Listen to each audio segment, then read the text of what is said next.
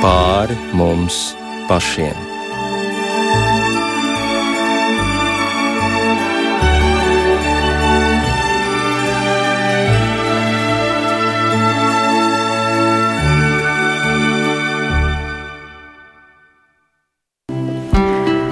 Esiet sveicināti redzējumā pāri mums pašiem, lai ir slavēts Jēzus Kristus.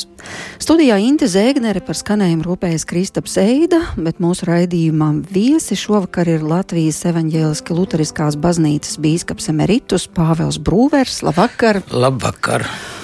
Un teoloģijas doktors, Latvijas Universitātes humanitāro zinātņu fakultātes profesors, priesteris Jānis Priede. Labvakar! Labvakar! Mēs satiekamies mūžības svētdienā, daudz gaismas šovakar Latvijā, simtiem sveces liesmiņu, kas aizdegtas pie tuvinieku atdusas vietām. Un tāds kluss miers gaidot atnākam pirmo adventi jau nākošajā svētdienā. Un šie ir arī Kristus karaļa svētki, ko īpaši atzīmē katoļu dievnamos, un kas caur svēto rakstu lasījumiem atklāja to Kristu, par kādu ikdienā iespējams mēs domājam retāk. Kristu kā valdnieku, pilnu spēka un godības, kāds viņš atklāsies cilvēcei tad, kad atnāks uz šo zemi vēlreiz, un kā sacīts, kad ik viens viņu ieraudzīs. Nu, un mūsu saruna šovakar jā, par redzamās un neredzamās pasaules saskares punktiem kas atsevišķos cilvēka dzīves brīžos atklājas, tad, kad tiek pavērts kā tāds neliels aizkars stūrītis, aiz kura ir neaptverami plaša bezgalība un nebeidzama dieva mīlestība. Nu, un šī vakara jautājums, ko tad svētie raksti ļauj mums uzzināt par mūžību? Cik daudz šis aizkars mums ir pavērts vaļā, ko Dievs ir vēlējies atklāt, ko ir paturējis noslēpumā, cik daudz mēs varam uzzināt? Nu, un vēl, protams, arī to cilvēku pieredzi, kuri kādu brīdi ir piedzīvojuši šo mūžības stāvokli, un arī svēto pieredzi, jo par to runā apustulis Pāvils, sakot, ka viņš ir bijis septītajās vai trešajās debesīs, pat īsti nezinu, kurās, nu, ne jau katram mirstīgajam tas ir dots, vai arī apustulis Jānis, viņš redzējis to, Patmas salā, tur Jāņa atklāsmes grāmatā, kas ir aprakstīts. Bet sāksim ar veco derību. Nu, ko tad pirms Kristus, tā tad judaisma tradīcija un visa šī pieredze, ko tā ļauj mums uzzināt? Kāda tad ir tā mūžība, kas seko pēc šīs dzīves, kādi ir bijuši viņu priekšstati? Tie priekšstati visu laiku attīstījās vecās derības laikā. Nu, Kristus piedzimšanas laikā tie jau bija diezgan skaidri, bet attīstījās arī ne, ne jau tukšā vietā. Mm, tie bija priekšstati, kas nāk no uh, senajiem, mm, pat no šumeriem, sākot no akadiešiem, mums latviski tulkotas uh, Gilgamešs, uh, un arī tur jau ies, ieskatās, ir ieskats, mēģinājums ieskatīsies cilvēka dzīvē pēc nāvis, kuram tad iet labi un kuram iet slikti. Bet tā vienalga joprojām arī, arī, arī vecās darbības laikā ir tāda ēnu valstība, zemāka pa zāli. Īstenībā nu, nekā tāda laba acīm redzot, tur nav gaidāms. Ne, varbūt arī nekas traki biedīgs, bet, bet katrā ziņā nekas patīkams. Nē, un reizēm tādā diskusijā rodas pat jautājumi, vai tur vispār kaut kas ir, kā Kohelēts sāka no cilvēkam un, un, un lopiņām liktenis. Viens no viens nomirst, otrs nomirst, un kur tad ir teikts, ka cilvēks nu, dzīvos, ka viņam tas liktenis liktenis būs labāks. Nu, nē, viņš saka, visi nomirstam, un tāpēc pacenties izdarīt kaut ko labu, kamēr vēl tu esi dzīves. Ja? Un tur tā diskusija ir ar Ijabu, kurš saka, savām acīm es redzēšu dievu, un, un Kohelēts, kas nu, diezgan skeptiski skatās uz tādām iespējām. Un tad nāk jau tie laiki, kad ir uh, cīņas uh, ar Helenis, uh, var teikt, helēnisko pasauli un mēģinājums saglabāt dievbijību, sacelšanās dažādas makabeju laikā un lūkšanas par mirušiem aizvien skaidrāk atklājās, tiek izteiktas. Un jāsaka tā, nu, protams, šie, tas jau turpinās arī pēc tam Salmana gudrības grāmatā, kas rakstīta apmēram 40 gadus pirms Kristus, kur jau ļoti skaidri šī pretruna par to, ka Dievs ir, ja Dievs ir taisnīgs, nu tad viņš atlīdzinās. Ja? Bet bet kā tas ir, ka viens dzīvo ilgi un ir bagāts, un vispār ir ļoti slikts cilvēks, un viņam ir daudz bērnu un brauc uz Kanārijas salām, bet otrs nomirst jauns, nabadzībā, Un taisnīgs cilvēks bija. Nu, kur tad Dievs ir taisnīgs, kur viņš atlīdzinās? Tā diskusija visu laiku no, norita, un uh, beigu beigās tā, es teiktu, ir, kur visskaidrāk atbild dod apmēram 40 gadus pirms Kristus. Jau tā ir Salmana gudrības grāmata, uh, kur parādās taisnīgā un nekrietnā liktenis, nekrietnā ilūzijas, tāds uh, pseidohedonisms, uh, vai ne, teiksim, hedo, hedonisms, pseidoepikūrisms, uh, baudīsim dzīvi un, un, un, un tā tālāk. Un tad taisnīgā liktenis, tas, tas viņa laimīgais spožums uh, pēc nāves.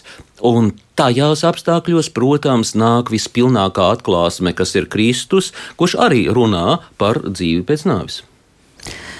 Jā, bet arī psalmos tomēr parādās šis temats.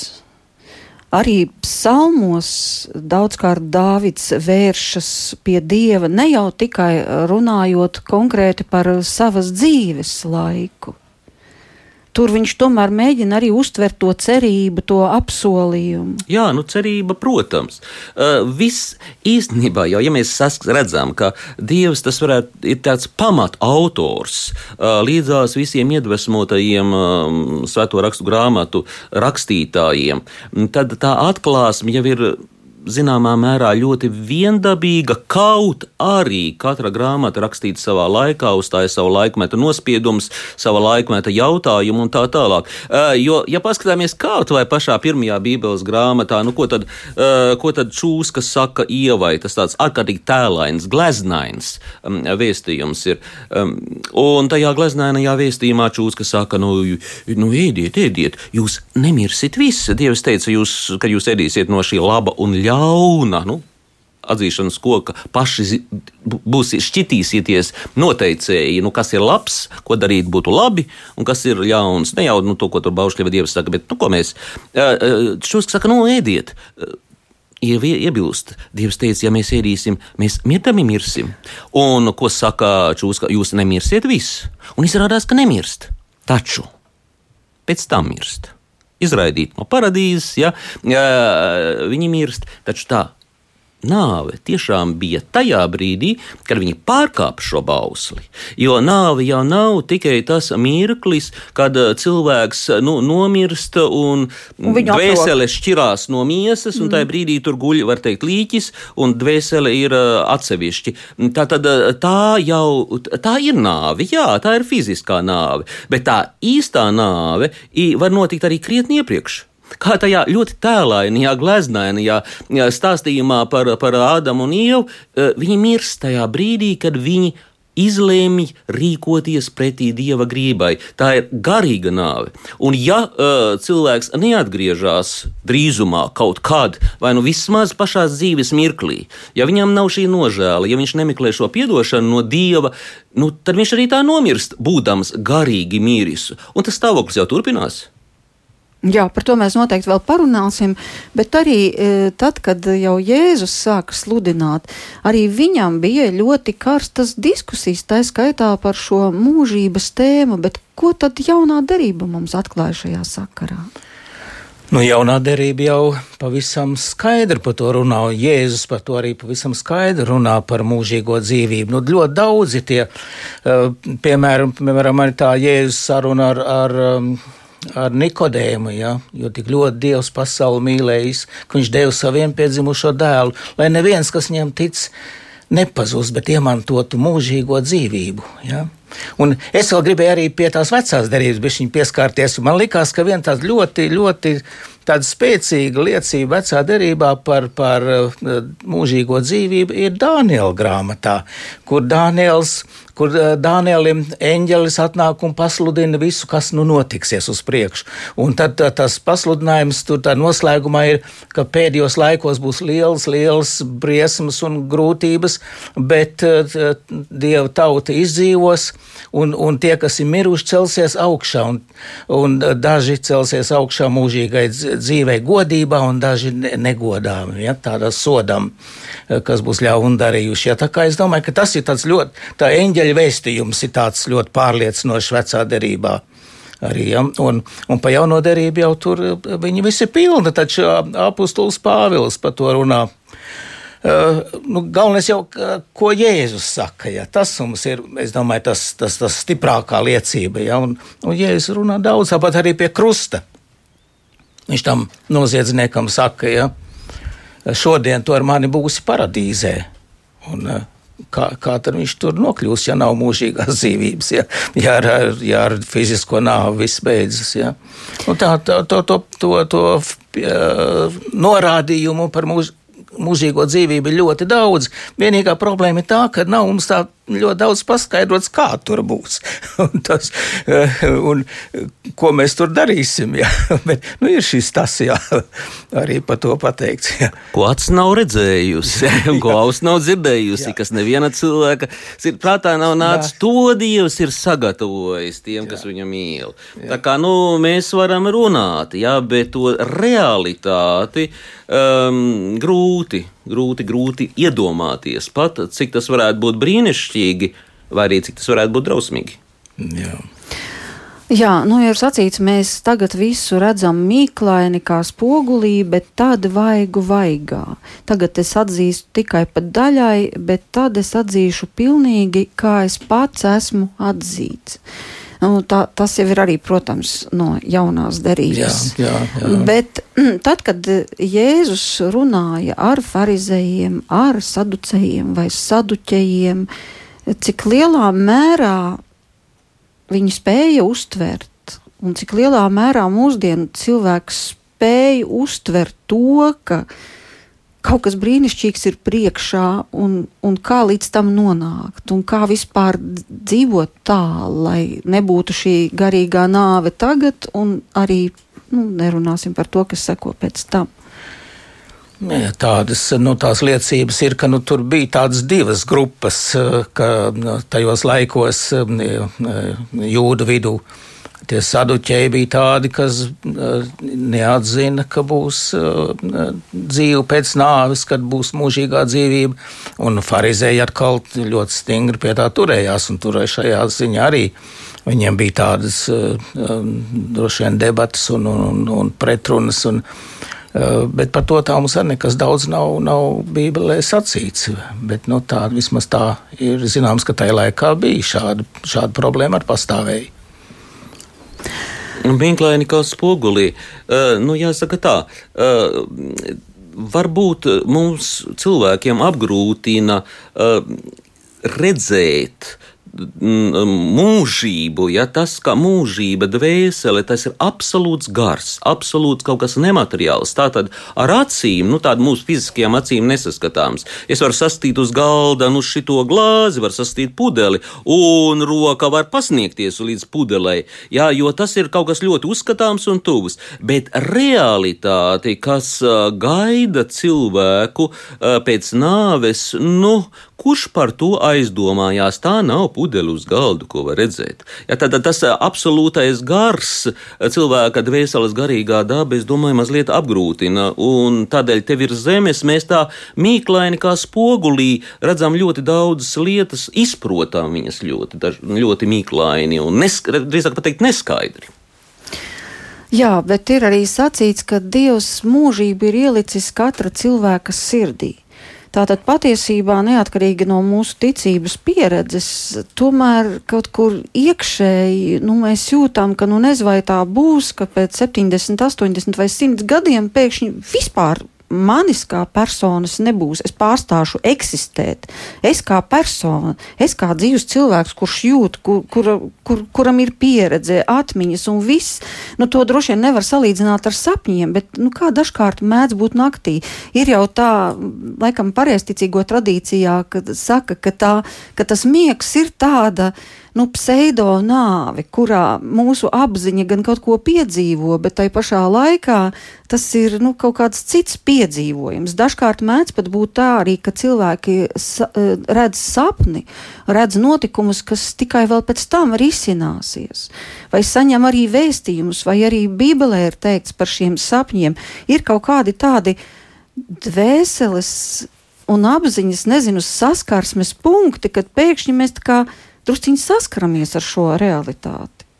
Un nevēl tie ir sacīts, piedzīvojis, esi jaunu dienu pateicies, ka tev ir dota vēl viena iespēja, vēl viena lapa. Bet, nu, kas Mēs tad esam- tur īsti ir ar to? Mēs esam radīti pēc dieva attēla un līdzības. Un dievs ir absolūts gars. Mūsu dvēsele arī ir gars. Uh, Un garā nav neviena atomiņa, tur nav nevienas kripatiņas, kaut kādas enerģijas. Uh, Dvēsele nevar sabrukt, sadalīties daļās, tāpat kā dievu nevar sadalīt nu, trijās daļās, vai trijos atomos, vai lielajās enerģijās. Nē, absolūti nedalāms un neiznīcīgs. Tikai nu, dievam, protams, nav sākuma. Mums, ta, mūsu dvēselē sākums ir, bet šī, neiz, šī nemirstība uh, tiek piešķirta dvēselē, jo viņa vienkārši ir garīga. Un tātad tas, ka uh, cilvēka dvēsele ir līdzīga dievam, um, nu, tai šajā ziņā, tas viņā ir ielikts, tajā sirdī ielikts. Un mūsu prāts ir tāds, kurš Dievs ir ielicis prātā tieksmi pēc patiesības, izdibināt patiesību, izdibināt arī šo manu garīgo dabu, noskaidrot to. Nu, slikti ir, ja cilvēks ir slinks un uh, nu, domā tikai par to, ko viņš redz un kas stāv uz galda. Jā, interesanti arī tas, ja tā mūžība ir ielikt cilvēka dvēselē. Es atceros savu ļoti, ļoti agru bērnību. Es biju ārkārtīgi apbēdināts, uzzinot, ka es kādreiz miršu. Jo man likās, ka tāds es esmu un tāds es būšu vienmēr. Un tas ir ļoti labi, ja, kad ir cilvēki lieli un mazi, un, un tā viņi dzīvo un dzīvos, un lieliski ir. Un, un es uzzināju, ka tā nav viss, kad būs augsts un pieņemšos vecu, vecumā, un, un, un vecumā beidzot arī būs jāmirst. Es, tas, tas man ļoti nepatīk. nu, jā, bet tad es atkal tiku mierināts, ka mums pēc miršanas atkal mēs nonāksim debesīs un dzīvosim mūžīgi tālāk. Jā. Tas tā, man tā kā mierināja, bet tā nav, gan man likās nepatīkami. Jā, mēs runāsim arī rādījuma turpinājumā par to, kādas ir arī dažādu baznīcu pieredzes par to, kas notiek ar uh, cilvēka dvēseli pēc tam, kad viņa dodas mūžības ceļos, kādi tie ir, cik daudz mēs par to varam secināt. Bet tagad turpināsim ar kādu ļoti skaistu dziesmu ko ir rakstījis Jānis Lūsēns, Anija Putniņa un Andris Ērglis to dziedās. Ar ojāru vāciešu vārdiem ir šī dziesma par zvaigžņu kluso gaismu.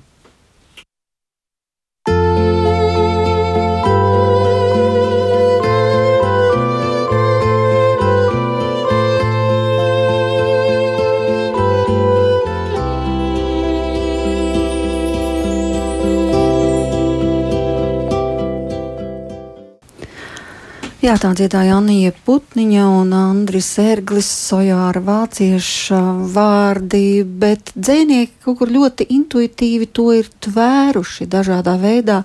Arī Imants Ziedonis savā slavenajā dzējolī es gribu būt tai gaismā, kur tālāk nav ko, kur iet. Brīvs putns esmu gaisā, man kapu nerociet. Nu, to dzējoli katrs var izlasīt un atrast, un arī tas ir par mūžību. Un beigās šim dzējolim ir šie vārdi: Es neesmu vairs dzēnieks, es biju vakardien. Jā, bet turpinot tātad šo jautājumu, kas tad notiek ar dvēseli, kad viņa dodas ceļā? Tur ir dažādas šīs pieredzes, pareizticīgie runās par muitnīcām, jeb tas, ko viņi sauc metārstva, kad vēseli iziet cauri konkrētam pārbaudījumu un apsūdzību lokam, un dvēsele tiek apsūdzēta tajos darbos, kas viņas dzīves laikā nav bijuši pareizi. Un tā tad ļaunais mēģina aizkavēt dvēseles došanos uz augšu, kamēr eņģeļi to augšu ceļ.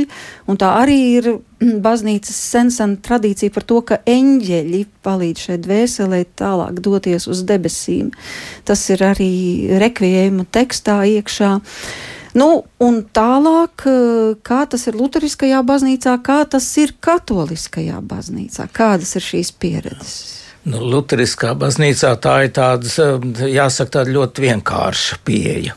Tā ir tāda, kas ir Bībelē rakstīts, ko varam atrast, tam arī mēs ticam, uz to mēs paļaujamies. Bet arī katrā ziņā mēs eh, nestrīdamies ar citām atziņām, jo varbūt kāds ir saņēmis kādu īpašu atklāsmi. Ja? Eh, bet nu, tā, es, es teikšu tā, nu, mums tā, tā, tā, tā pieeja ļoti vienkārši tā, kā Jēzus teica tam noziedzniekam pie krusta. Šodien to ar mani būs paradīzē. Tad mēs arī tā uztveram, ka kad no mūsu dvēseles šķiras no miesas, tad dvēsele uzturas paradīzē. Līdz tam laikam, kad būs augšām celšanās, kad mēs visi atkal celsimies augšā un iegūsim jaunu miesu, būsim jaunās zemē un jaunās debesīs. Nu, labi, Jēzus to teica laupītājiem pie krusta. Pirmkārt, viņš atradās ārkārtīgās mocībās, otrkārt, viņš spēja just līdzi Jēzum un saprata, ka viņu priekšā ir pats Dievs un spēja no visas, no visas sirds dziļumiem nožēlot to savu dzīvi. Ja? Bet kurš mums ir teicis, ka op, šodien tu būsi paradīzē. Tu atzīsti Jēzu par kungu, tu tici, ka Dievs ir ticu, tu tici, ka Jēzus ir dzimis pasaulē dzīvojis, ticu, nu viss novirsa būs paradīzē. Kā, kur, kur ir tur kaut kādas nianses visā šajā stāstā? Nu, šķiet, ka Puķins arī laikam tic, un, un, un, un jaunajā drībā ir teikts, ka ļaunie gari arī tic un dreb. Bet nezinu, vai viņi domā, ka uh, un dreb, un dreb. Jā, bet tas, tas tā. Es teiktu, par mums, paskatoties, par mums, paskatoties mazliet varbūt filozofiski varam iedomāties cilvēka um, dzīvi tik tiešām, nu kā tādu staru, kas sākās vienā punktā, mūsu dvēsele ir radīta, un tas stars pagaidām ir tādā zināmā aplī, proti mēs te virs zemes dzīvojam, mēs varam darīt, mēs to staru varam virzīt kaut kādā virzienā. Un tas virziens var būt pretī absolūti labajām, skaistajām, brīnišķīgām, visvarenākajām, absolūtai laimēji, kas ir Dievs. Un tas virziens var būt projām no Dieva. Ja? Tā tad tur, kur nav laime, kur nav, nav prieks, kur nav, nav, nav, nav, kur nav dieva. Un to mēs ar savu rīcību šeit virs, zē, virs, virs zemes katru dienu ar savu izvēli pieņemam to lēmumu, uz kuru pusi nu, es šai brīdī iešu. Bet mums šeit virs zemes nav dotas daudzas reinkarnācijas. Nē, nē, mums ir dotas daudzas tūkstošas un desmitiem tūkstošu un tā tālāk izvēles iespēju šīs dzīves laikā izvēlēties pareizo virzienu. Visa dzīve, godīgi sakot, ir gatavošanās nomiršanai, lai mēs nomirtu iedami pareizajā virzienā. Un, eh, Tādēļ eh, tagad jā, ir eh, šīs iespējas, nu, beigu beigās nonākt pie dieva. Tas stars turpinās to virzienu, kas vairāk nemainīsies. Vai projām no dieva stars pats būs izlēmis, ka nu, dieva virziens tas nav viņa jā, ka viņš, viņa, viņš, viņš ne. Tātad tas ir cits virziens. Bet ko darīt ar tādiem, par kuriem, jāsaka tā, visas baznīcas, nu, lielās tā principā jau lūdzās? Ja tas, es domāju, tas jautājums var pastīties uz liturģiju. Jo baznīca jau nemelo. Ja baznīca uh, savā dievkalpojumā vai kapos lūdzās par kādu mirušo, nu, tad jau baznīca to dara godīgi. Nevis tāpēc, ka, nu, lai nomierinātu tos cilvēkus, kas ir sanākuši, un, nu, nu, ko, tā, nu, kaut kas jāpasaka, nu, tā viņam būs labi. Pateiksim. Nē, baznīca lūdzās par šiem mirušajiem. Un kādēļ? Ja viņš ir debesīs, nu, svētais Francisks, jā, teiksim tā, uh, nu tad. Uh, Nu, mēs taču nelūdzamies par Svēto Francisku, Dievs, lai viņu uzņem debesīs. Nē, nu, viņš ir svētais, viņš ir jau paradīzē, pilnīgi skaidri. Ja kāds ir nu, izvēlējies to pazušanas ceļu, absolūti, mēs nezinām, kurš. Bet, um, Par, dažiem, par, par vienu to gan, protams, var teikt, uh, par jūdas ceļu, bet, uh, bet, ja kāds ir izvēlējies tādu virzienu, mēs jau arī par viņu nelūdzamies. Uh, nu, nebūtu jēgas, ja lūgties par tiem, kas ir pazušanā. Mēs lūdzam acīm redzot par tiem, kas nu, nav ne pazušanā, ne, ne vēl arī nav īsti pie dieva. Tas ir, tas ir tā kā tie jūs minējāt, tie pareizsīgi, proti, un katoliskajā baznīcā to sauc par šķīstīšanās stāvokli. Ja? Nevis par kaut kādu lokalitāti, jo dvēsele ir absolūti garīga un nekādās dimensijās tur telpā viņa nav iespundējama, bet par absolūtu stāvokli, par šī šķīstīšanās stāvokli, ka cilvēks virs zemes nav paguvis tā pa īstam šķīstīties, ka viņš, nu, ka viņš bija pareizajā virzienā. Jā, jā, Viņš bija pareizā virzienā, bet nu, tomēr tajā pudelē ieskatījās par biežu. Un, un vispār nu, nedarīja visu to, kā vajag. Nu, ir dažas lietas, kas nu galīgi nav. Un, uh, tagad mēs redzam mīklaini. Tad tas cilvēks to redzēs ļoti skaidri, un viņam būs šausmīgi žēl šausmīgi žēl, ka viņš nenožēloja jau šeit. Ja, tad, restīvi, tas ir tas šķīstīšanās stāvoklis, par ko runā katoliskajā baznīcā, un ko mēs, es teiktu, varam redzēt visās, vai visās lielākajās kristīgajās tradīcijās, kurās par mirušie tiešām lūdzās. Un viņus piemin, piemin nevis kā nu, tādus, jā, ka tādas reizes ir bijis, bet par tādu, par kuriem var arī lūgties. Un, nu jā, tas būtu tas skatījums, un, protams, beigu beigās, ja, kad būs augšām celšanās un tam līdzīgi, beigu beigās, un iespējams jau ātrāk, ja cilvēks būs pietiekami šķīstīts, lai varētu tikties ar Dievu, nu tā patiešām skatīt Dievu. Pagaidām viņš jutās netīrs. Un, ja teiksim, cilvēks pārnāk nu, no smaga darba un, un, un, un netīrs, nu, tad viņš nemetās uzreiz nu, gultā. Viņš, viņš papriekš iet nomazgāties. Ja? Un kur nu vēl vairāk, kad viņš grib satikt Dievu un būt tajā svētlaimīgo vīzijā, viņš arī grib būt tīrs. Tāpēc, tāpēc lai Dievu skatītu, nu, ir jābūt, jābūt dvēselē, kas ir nožēlojusi, dvēselē, kas ir centusies darīt labu visu savu dzīvi. Jā, par šiem diviem ceļiem jau arī ir evanģēlijā runāts. Jēzus stāsta to par eh, nabaga lācaru un to bagāto vīru. Un kad eh, lācars ir Ābram klēpī, un tas uh, bagātais vīrs cieš lielas mokas. Ja? Un kā arī viņš saka, ka tur ir milzīgi, tur ir bezdibens starp abiem, ja tur nav nekāda Pārvietošanās. Pārvietošanās iespēja, jā, un kaut kā, kaut kā kontaktēt var, var sarunāties. Ja. Tas, tas, tas da, bagātais vīrs lūdz, lai, lai Ābrams sūta šo lācaru uz, uz, uz pie viņa brāļiem, lai brīdina. Ja, tā kā acīm redzot, tur kaut kāda varētu būt, kad viens otru tur varbūt var kontaktēt. Ja. Uh, bet par, uh, par šo uh, tādu iešanu cauri šķīstīta vai tāda jau tiešām iespēja arī ir, ka tāda un kāda vispār ir paradīze, mums jau arī pat tas nav īsti izskaidrots un izstāstīts. Tā kā katrā ziņā tā ir vieta, kur nonāk dvēseles, kas ir paļaujušās uz Jēzu, uz Jēzus grēku izpirkšanu, paļaujušies, viņi tie, nu, ir tai paradīzē, kādas tur ir tās gradācijas un kur par to, jā, ir, ir jā, kā jau te tik minēts, ir dažādi tie priekšstati. Jā, jā mani tomēr arī nedaudz mulsina. Tā frāze, ko ir teicis Jēzus Kalna svētībās, jo viņš ir teicis, svētīgi sirdšķīstie, jo tie Dievu redzēs.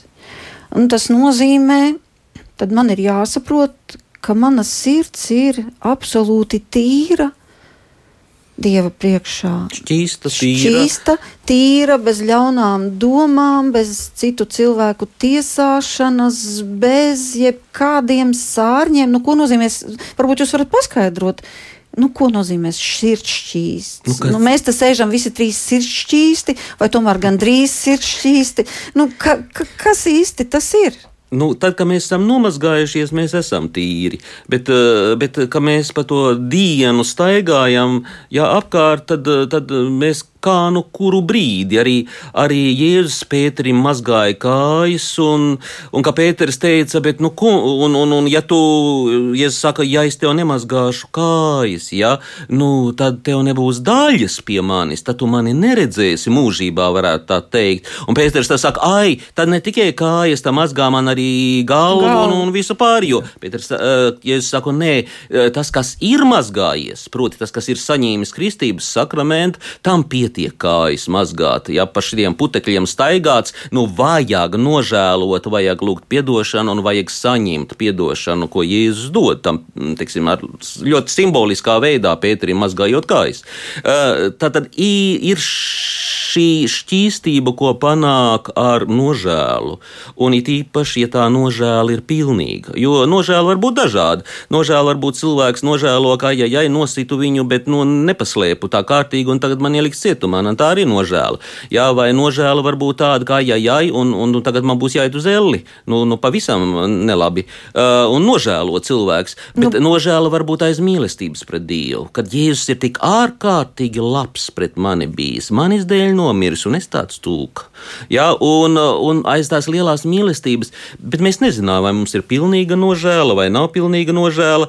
Tādēļ Ir, protams, šī grēknožēla nepieciešama un obligāta, bet, eh, bet nu, vismaz senajās baznīcās ir iespēja saņemt arī to piedošanu, ko Kristus teica, nu, kam jūs grēkus piedosiet, tiem tie tiks piedoti. Proti, tie ir tie, kas cilvēku nu, absolūti uh, nomazgā un dara šķīstu ja, viņa sirdi, ja nožēla ir bijusi.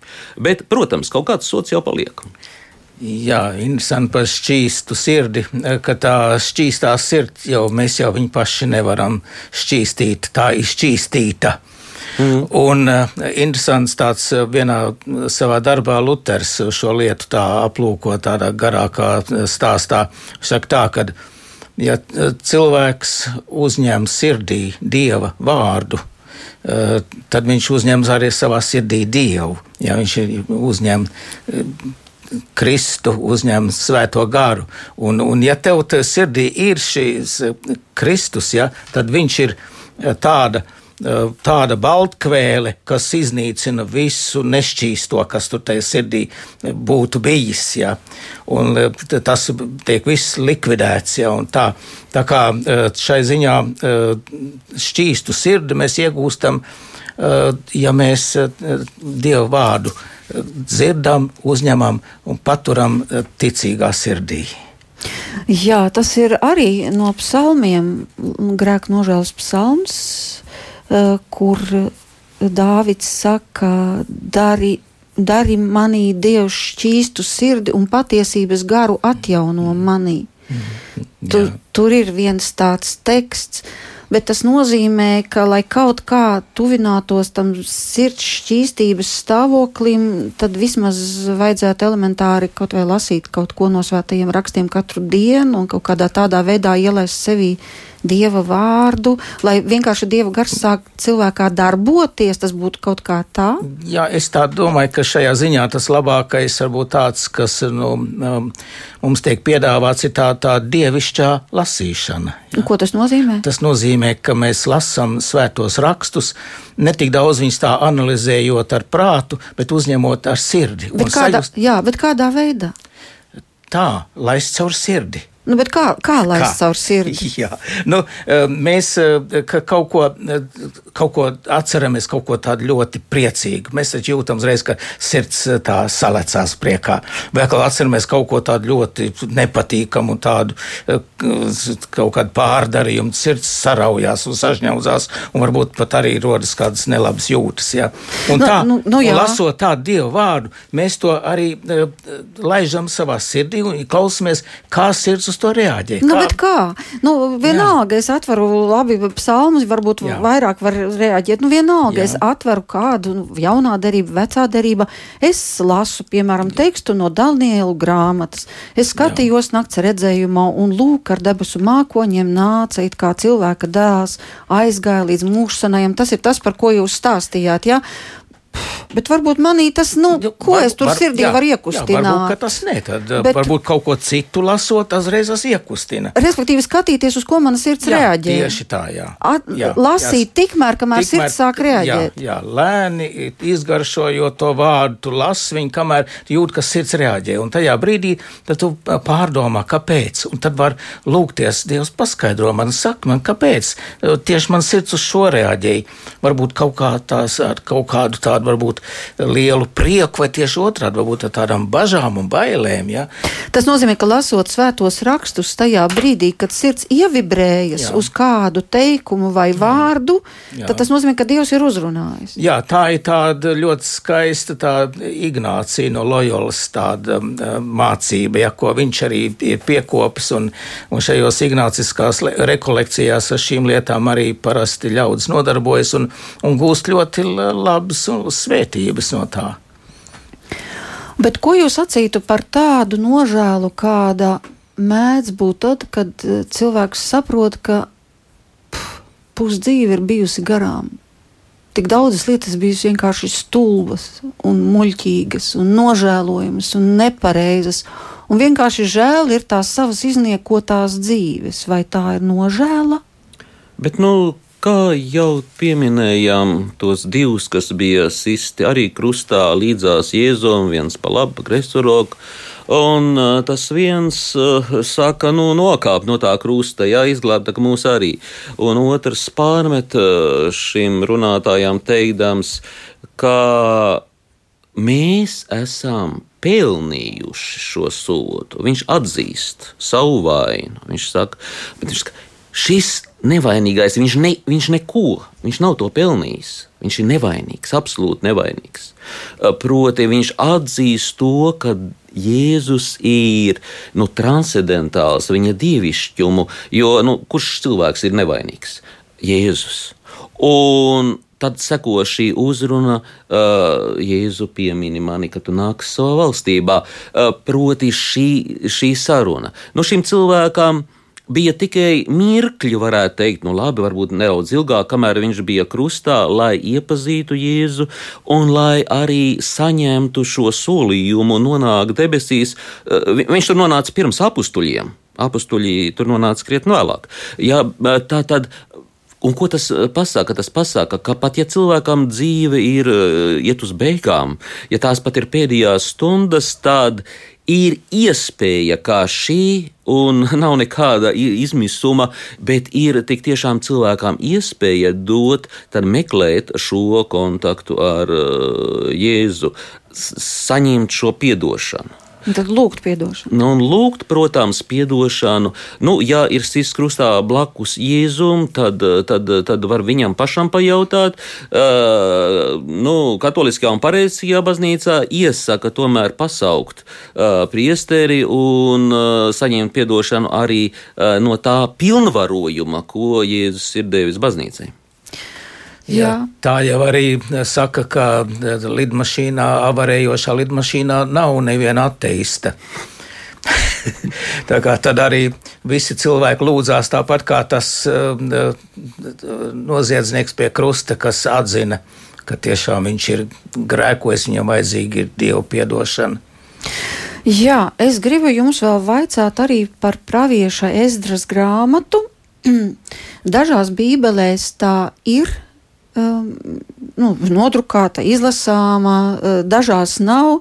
Tā tad uh, ir uzskats no vienas puses, ka varbūt tā ir deuterokanoniskā grāmata, teiksim, tā kā apokrifs, no otras puses viņa ir arī oficiāli bībelēs iedrukāta. Viss atkarīgs atkal no tradīcijas, bet tur ir tā lieta, ka pravietis Ezdra trešajā grāmatā uh, um, uzdot dievam jautājumus. Viņš ir bijis ļoti neatlaidīgs, jo viņu arī ir interesējis šis jautājums, kas tad būs pēc tam, kas notiks ar tām dvēselēm. Un tad viņš no Dieva ir saņēmis šādu atbildi, ka to dvēseles, kas nicināja Dievu un viņa ceļus, tie neieies mūžīgajos mājokļos, bet uzreiz sāksies viņu ciešanas, nemitīgās sāpes, maldoties pa septiņiem ceļiem.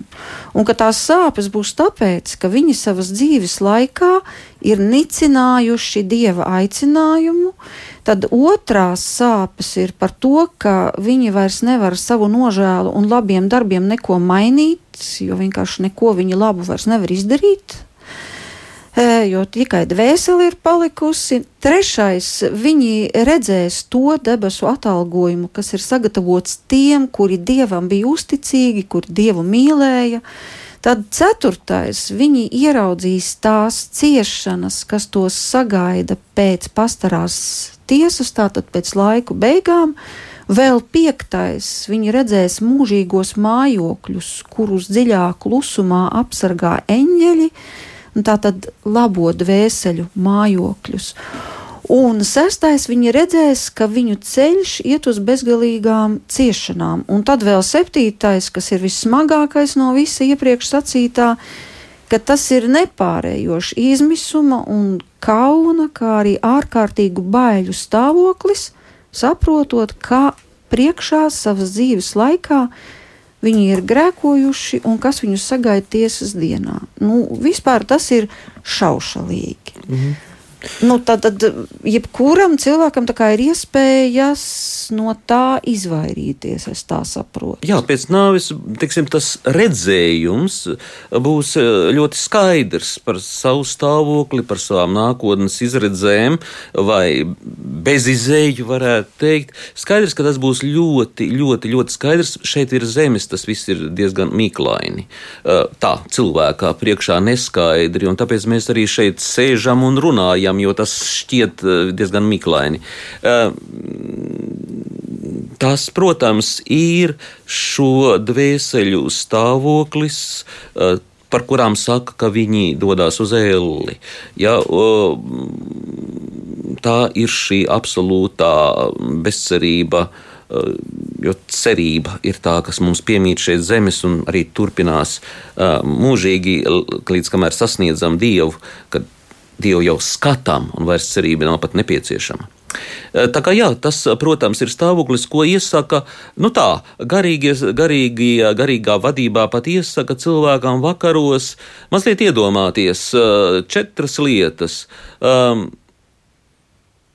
iedomāties tikšanos ar Jēzu Kristu tūliņ pēc nāves, Un to, ka es atcerēšos, zināšu lieliski visus savus katras dienas darbus, nedarbus, un man būs pilnīgi skaidrs, ka tas galīgi bija nepareizi. Es to centos aizmirst, bet tas bija no manas puses nepareizi. Tas ir vai arī pareizi. Ja tāda šī tikšanās, kas var būt brīnišķīga, un kas var būt nu, tāda, kur es tieku it kā nosodīts, kas pats sevi nosodu, tad otrais būs iedomāties šo pastaro tiesu, Jēzus, un pa labi un pa kreisi ir šie, mm, nu, tie avisunāži, tie, kuri ir nolēmti ārkārtīgai laimēji dievā un virzienām projām no laimes. Un tad iedomāties šo stāvokli, nu, ko jūs lasījāt Ezras, šo elles stāvokli, ka tas nekas īpaši patīkams droši vien nebūs tiem, kas būs pa kreisi. Un tad iedomāties to absolūto laimi, neizsakāmo, ko acis nav redzējis, savus dzirdējusi, un kas ir tiem, kuri Dievu mīl. Tātad šīs četras lietas palīdz cilvēkam pārdomāt šodienu Vienkārši šodien, nevis visu savu dzīvi, bet šodien, vai šodien es esmu rīkojies pareizi visās lietās, vai, vai, un palūgt Dievam atdošanu par to, kas ir bijis nepareizi, un censties arī tādu nedarīt tādas muļķības. Jā, šis ezras eh, redzējums eh, tā eh, lielā mērā sasaucas arī ar to, ko Jēzus stāsta par tā lācaru un tā bagātā vīra likteni. Jā. Tā tikai tas ezeras redzējums tā var būt vairāk iedziļinās, kas tur notiek tajā, tajā sliktajā pusē, jā, tajā bēdīgajā, kur cilvēks ir nonācis. Jā. jā, viņš ir bijis ļoti neatlaidīgs. Viņš ir tik tālu izprašņājis, ka vienā brīdī Dievs viņam saka, pietiek, tagad vairs mm. nejautā man tālāk mm. neko.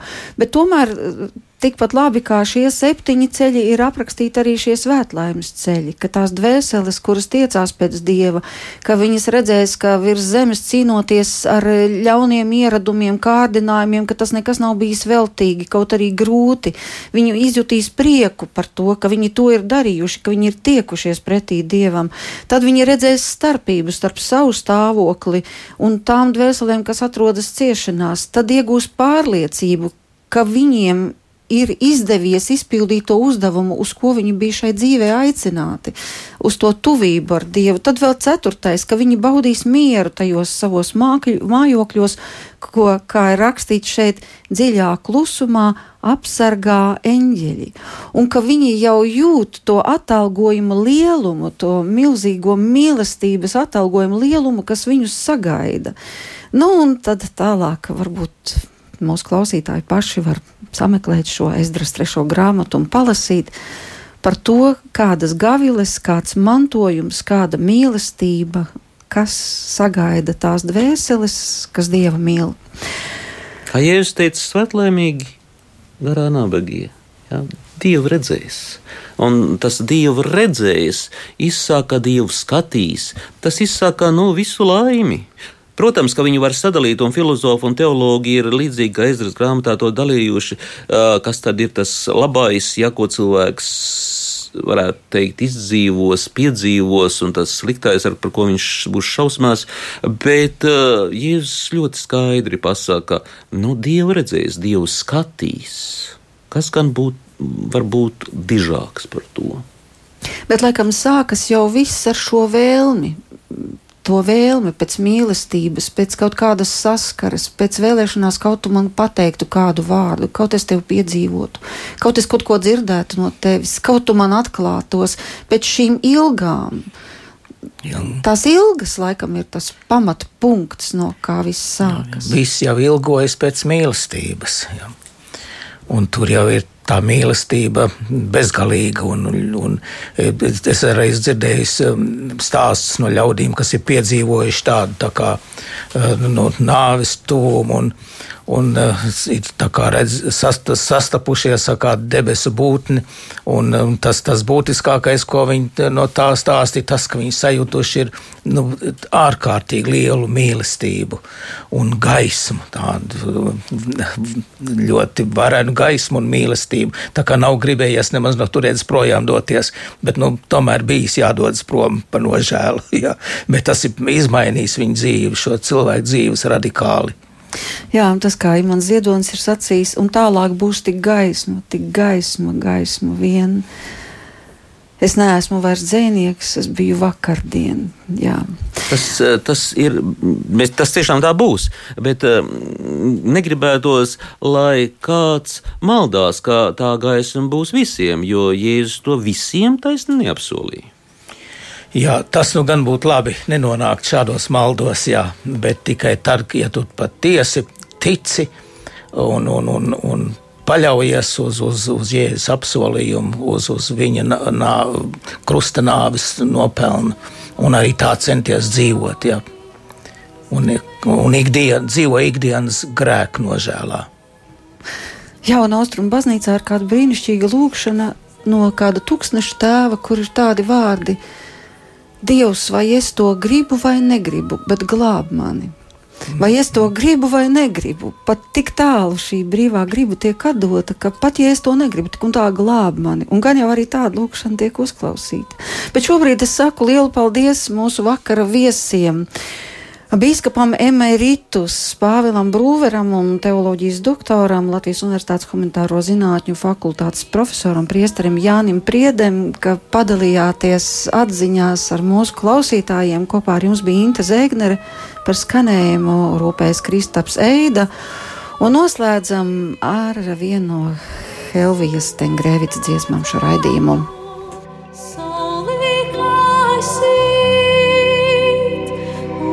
visus iedēļ.